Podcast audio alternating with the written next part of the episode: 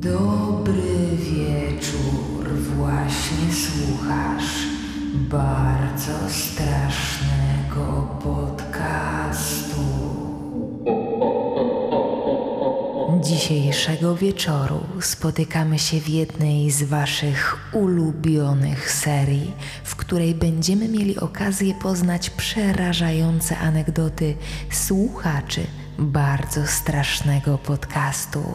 W ostatnim czasie dostałam od Was kilka niezwykle intrygujących maili, a te, które w szczególności przykuły moją uwagę, już dziś staną się paliwem Waszych najmroczniejszych koszmarów. Zatem nie przedłużając, rozsiądźcie się wygodnie, zapnijcie pasy, bawcie się dobrze i. Bójcie się jeszcze lepiej. Postanowiłam podzielić się z Tobą dwiema historiami. Jedna przydarzyła się mnie samej, a druga dotyczy mojej mamy. Zacznę od historii mamy. Zanim jeszcze pojawiłam się na świecie, moja mama mieszkała razem z tatą w jego rodzinnym domu. Moja babcia, mama taty, pracowała wówczas i prosiła mamę o opiekę nad moją prababcią. Prababcia była już w dosyć ciężkim stanie. Nie jadła sama, nie wstawała. Potrzebowała opieki 24 godziny na dobę. Czasami w przypływach świadomości prosiła moją mamę, aby umalowała ją tak pięknie do grobu, ponieważ zawsze podziwiała makijaże mojej mamy. Prosiła, aby ta zadbała o należyty ubiór prababci, ładną garsonkę i właśnie wspomniany makijaż. Mama była obecna przy śmierci prababci. Starała się jej ulżyć w cierpieniu, ale nieuniknione w końcu nadeszło. Prababcia zmarła. Tej samej nocy moja mama poprosiła mojego tatę, aby spał z nią w innym pokoju, ponieważ były to czasy, gdy ciało zmarłego było w domu aż do pogrzebu. Mama nie czuła się komfortowo z tym, że za ścianą leży moja zmarła prababcia. Tej samej nocy mama miała sen. Jest ranek, prababcia wchodzi do pokoju, w którym śpi moja mama i mówi do niej Śpi, śpi, ja tylko przyszłam tutaj narwać trochę gazet. po czym wychodzi z pokoju. Dla wyjaśnienia prababcie uwierały buty, więc zawsze podchodziła do pieca kaflowego, gdzie leżała sterta gazet i rwała je na kawałki, by wypchać sobie pantofle.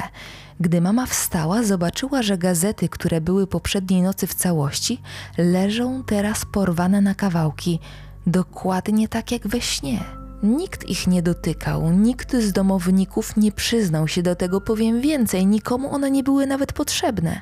Czy moja prababcia naprawdę odwiedziła mamę? Kto wie, moja mama twierdzi, że tak. Jedno mnie tylko martwi. Czy po śmierci dalej uwierają nas buty? A teraz czas na moją historię.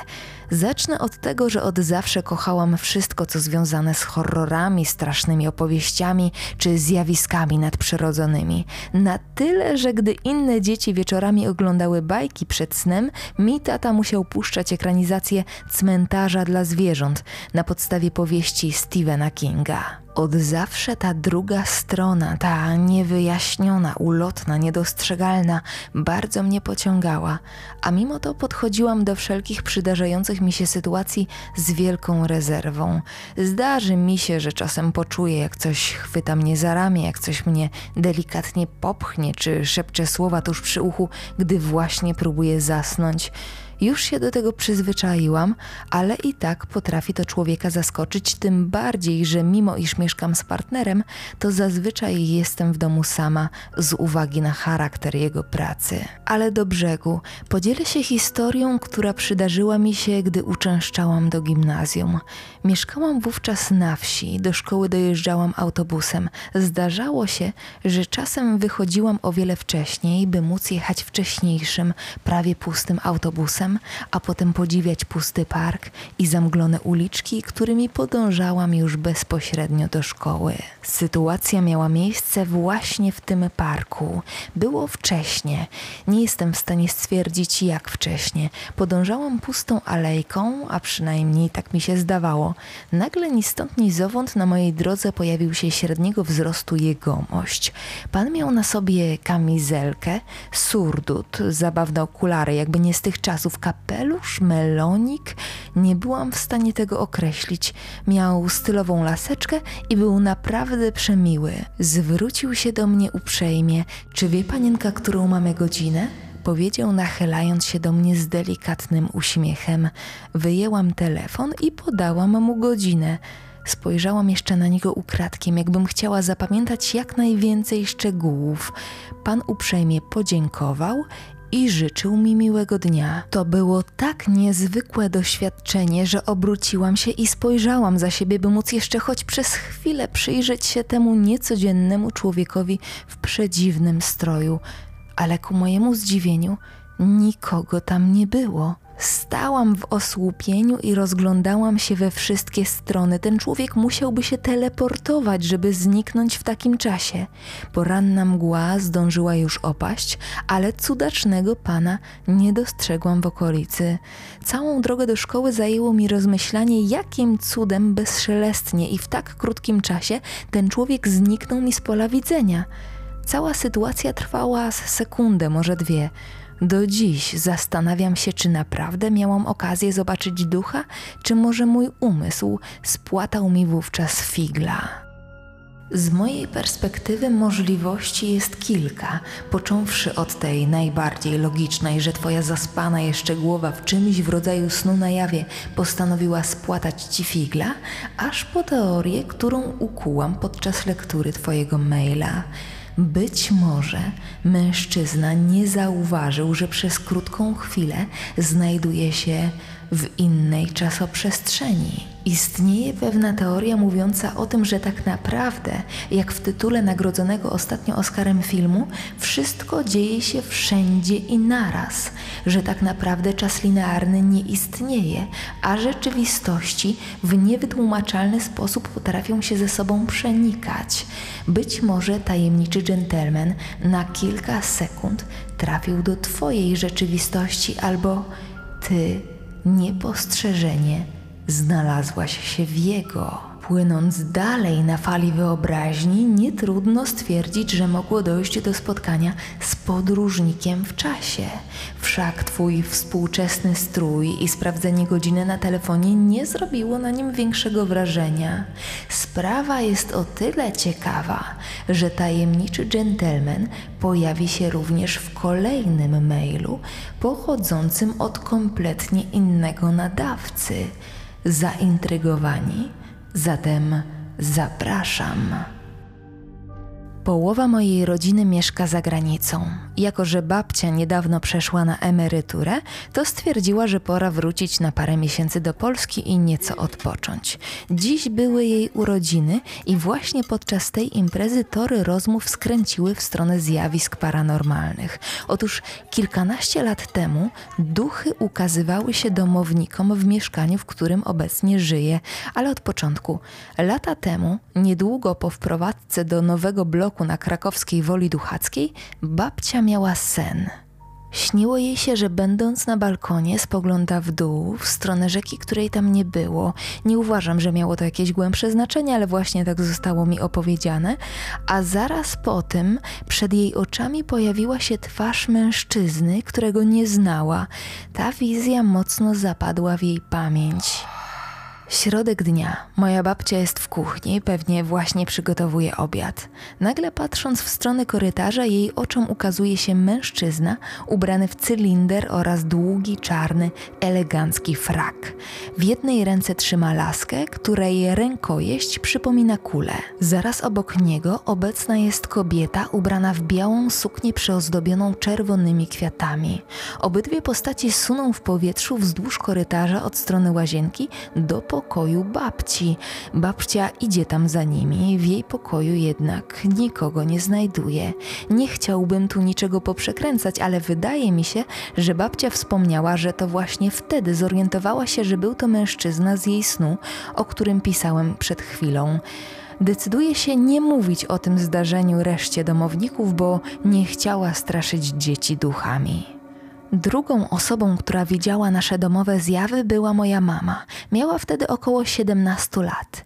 Była noc. Moja mama, będąc w swoim pokoju, nagle ujrzała znajomy już mojej babci obraz. Mężczyzna we fraku z cylindrem na głowie.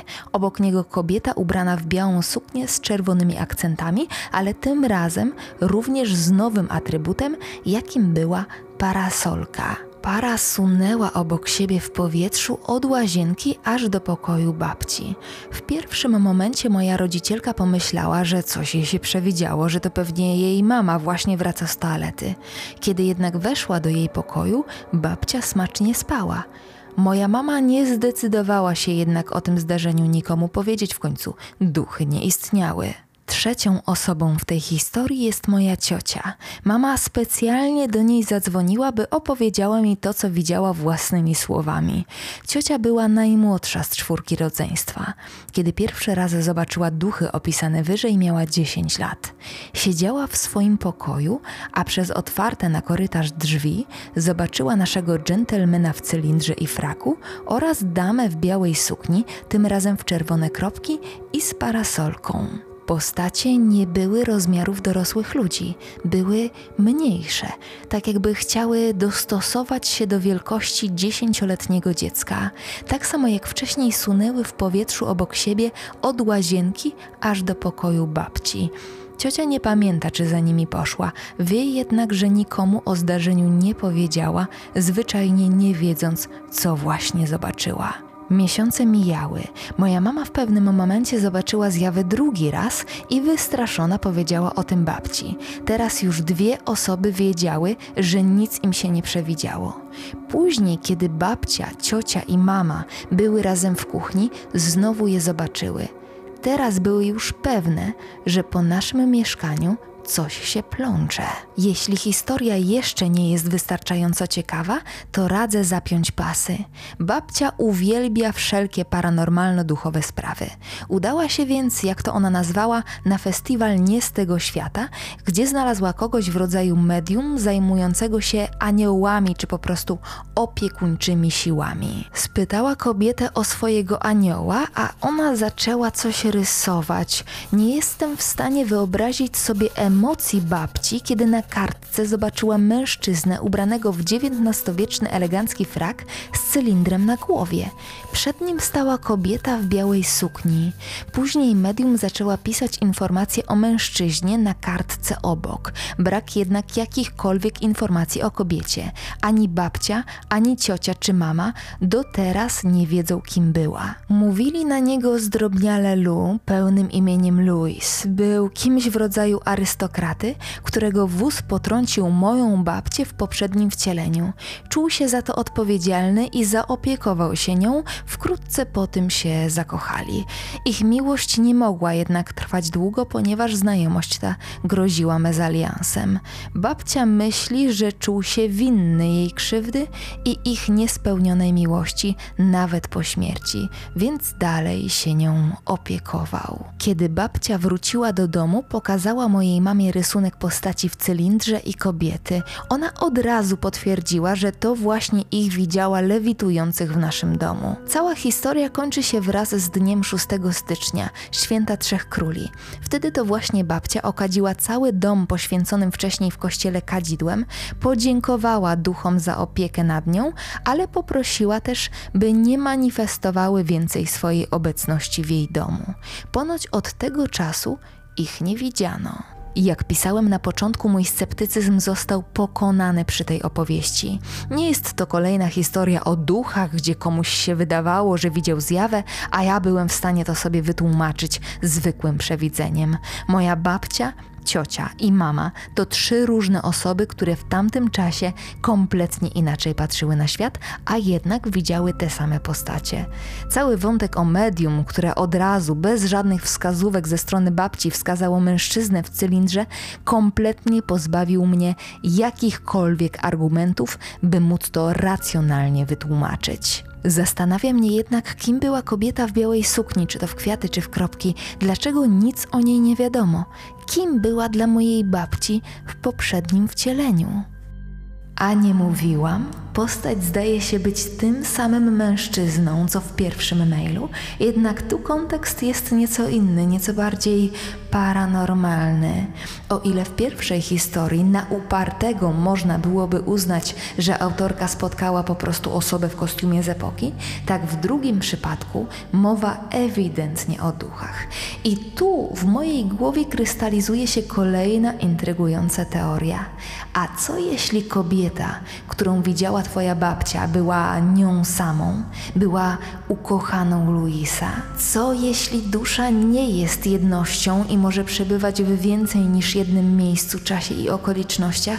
Gdyby na chwilę oderwać się od naszego ziemskiego postrzegania czasu i przestrzeni, wszystko zdaje się być znacznie mniej dosłowne, trudniejsze, ale jakże intrygujące, nieprawdaż? Tymczasem zanurzmy się w kolejnej historii.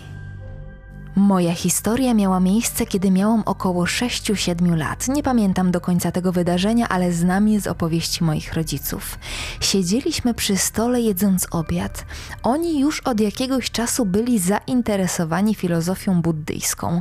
Zaczęli sobie żartować, że pewnie ja jestem reinkarnacją mojego dziadka od strony ojca, który umarł przed moimi narodzinami. Wtedy mój tata powiedział: Jeżeli jesteś moim ojcem, to powiedz, nie dokończył, bo ja przerwałam. W takim razie idź do pokoju posprzątać żołnierzyki. To, co powiedziałam, wydaje się być dość dziwne i wyrwane z kontekstu, tym bardziej, że nigdy wcześniej nie miałam styczności z takimi zabawkami, ale mojemu tacie na te słowa łyżka z zupą zatrzymała się w połowie drogi do ust. Pytanie, które miał zadać, brzmiało: Jeżeli jesteś moim ojcem, to powiedz mi, za co dostałem pierwsze i ostatnie wciry od ciebie.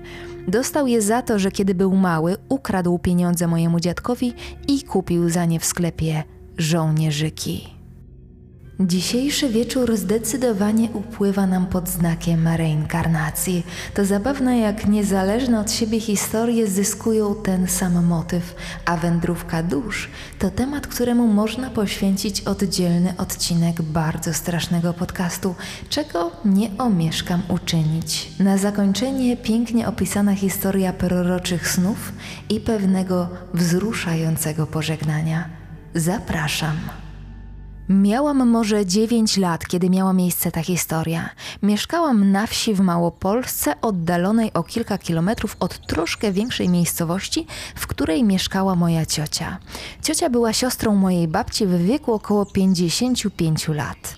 Doskonale pamiętam jej idealną czerwoną trwałą, jej uśmiech z migoczącym srebrnym zębem oraz zieloną torebkę na ramię, którą zawsze miała przy sobie, a w niej zawsze jakieś łakocie. Ciocię spotykałam dosyć regularnie, ponieważ była częstym gościem w domu moich dziadków. Zawsze uśmiechnięta tuliła każde z wnucząt babci, w tym i mnie.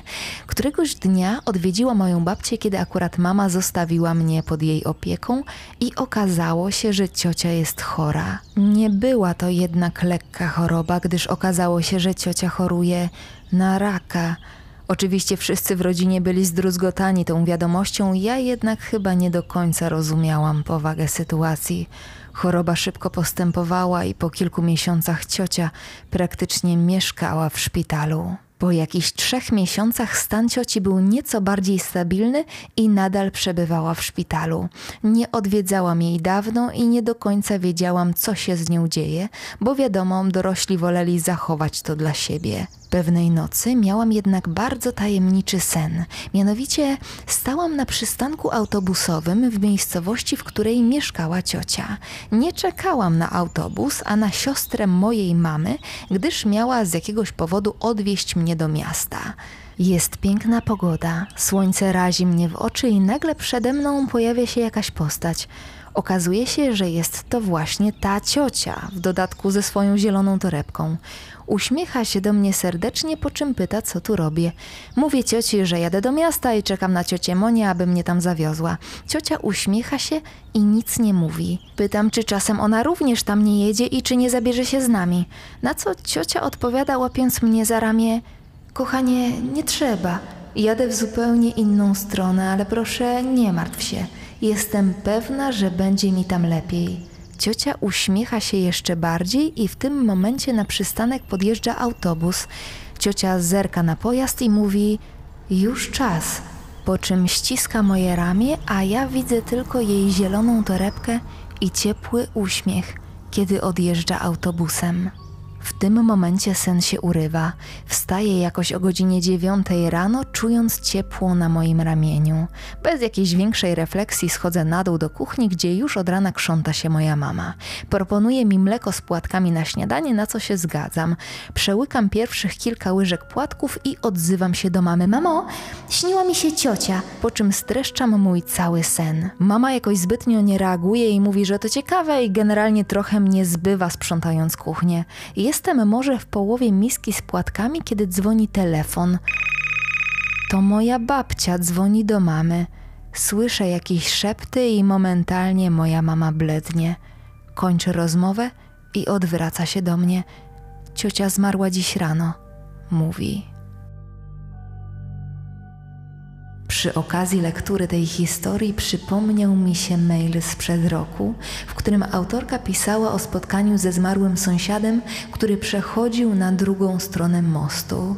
Te poetyckie wręcz metafory przejścia napawają mnie jakąś nadzieją na kontynuację naszej wędrówki. Kto wie, może kiedyś spotkamy się po drugiej stronie mostu na przystanku albo staniemy z samymi sobą twarzą w twarz podczas spotkania dwóch czasoprzestrzeni, a tymczasem pora zakończyć nasz dzisiejszy seans.